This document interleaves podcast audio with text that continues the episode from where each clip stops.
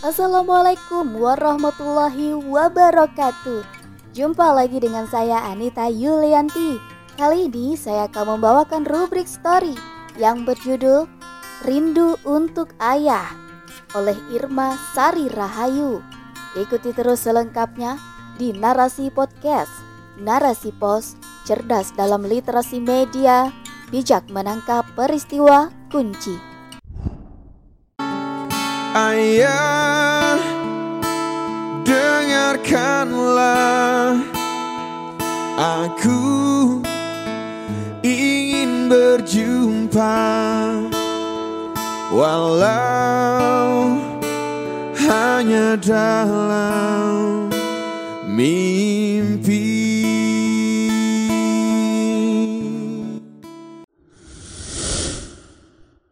Setiap kali mendengar lagu ini Aku tak pernah mampu membendung air mata.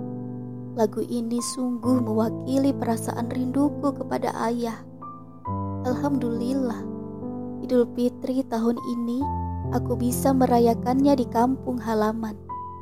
Ada rasa senang, namun tak mampu menghilangkan mendung di hatiku. Tahun ini adalah Ramadan dan Idul Fitri tanpa ayah.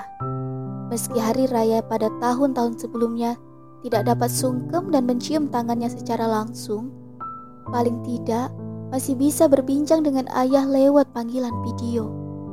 Senyum terlihat di wajahnya, namun netra tuanya tak mampu berbohong. Beliau sedang menahan air mata.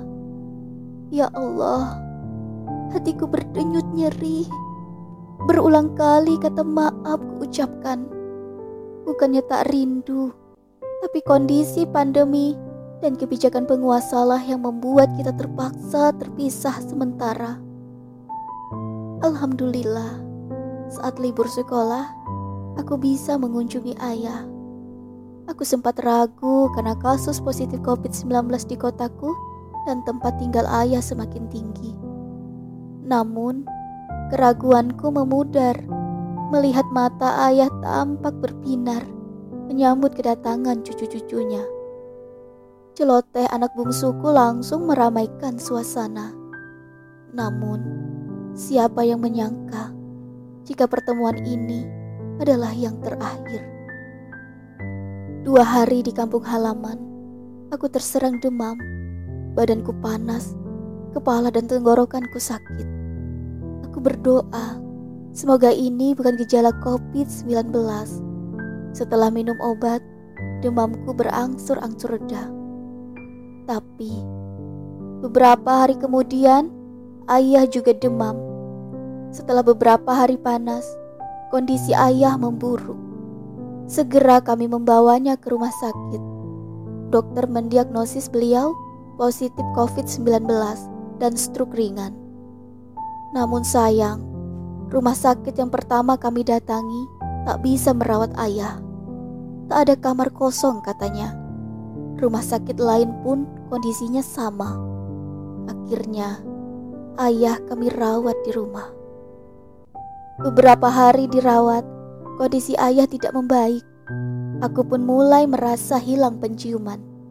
Setelah melakukan tes, ternyata aku pun positif COVID-19. Aku berusaha tenang. Bagaimanapun, ada anak-anak dan ibu yang harus aku jaga. Segera aku kabari suami tentang kondisiku, dan beliau pun menyusul untuk menjaga anak-anak. Di saat aku berusaha pulih, kondisi ayah justru semakin memburuk. Beliau mulai hilang kesadaran. Dibantu ambulans milik puskesmas, ibu dan saudara laki-lakiku membawa ayah ke rumah sakit. Sampai tengah malam, semua rumah sakit disambangi. Namun jawabannya sama, tidak ada kamar yang kosong. Ya Allah, dalam keadaan lelah dan putus asa akhirnya ayah harus kembali dibawa pulang. Hatiku hancur, tapi aku coba menguatkan ibu. Kita sudah berupaya maksimal, kataku. Aku masih sempat membasuh wajah dan tangannya, juga merapikan alas tidurnya. Berulang kali kuucapkan kata maaf karena khawatir menyakiti kulitnya yang semakin keriput. Kupandangi wajahnya. Nafasnya masih tersengal-sengal. Selang oksigen masih terpasang di hidungnya. Kubiarkan ayah istirahat. Tubuhku juga terasa sangat lelah. Hingga akhirnya, pukul dua dini hari, ayah mengembuskan nafas terakhir. Tangisku pecah. Ada rasa sesal. Mengapa aku tidak menemani ayah? Beberapa kali aku merutuki diri. Akulah penyebab ayah pergi.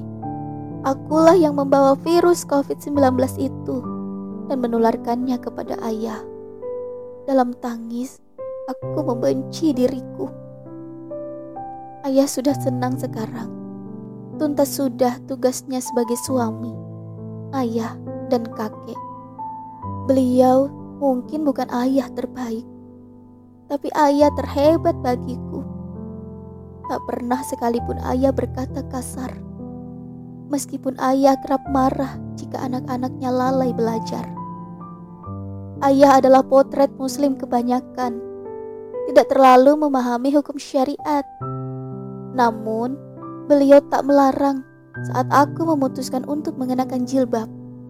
Kata ayah, kalau sesuatu yang baik, maka lakukanlah dan jangan dilepas lagi. Ayah juga mendukung dakwahku.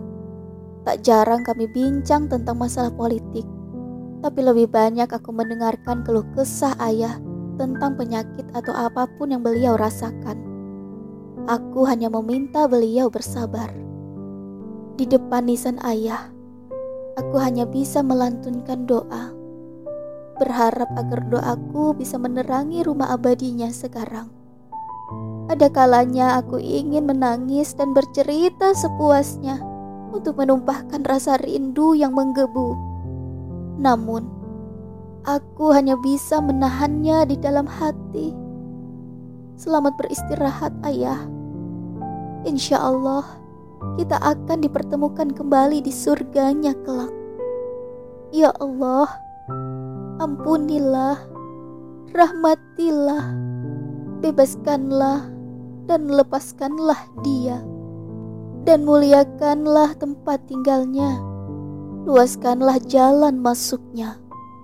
Cucilah dia dengan air yang jernih lagi sejuk, dan bersihkanlah dia dari segala kesalahan bagikan baju putih yang bersih dari kotoran. Dan gantilah rumahnya dengan rumah yang lebih baik daripada yang ditinggalkannya. Masukkanlah dia ke dalam syurga dan lindungilah dari siksanya kubur serta fitnahnya serta dari siksa api neraka. Amin. Amin ya robbal alamin.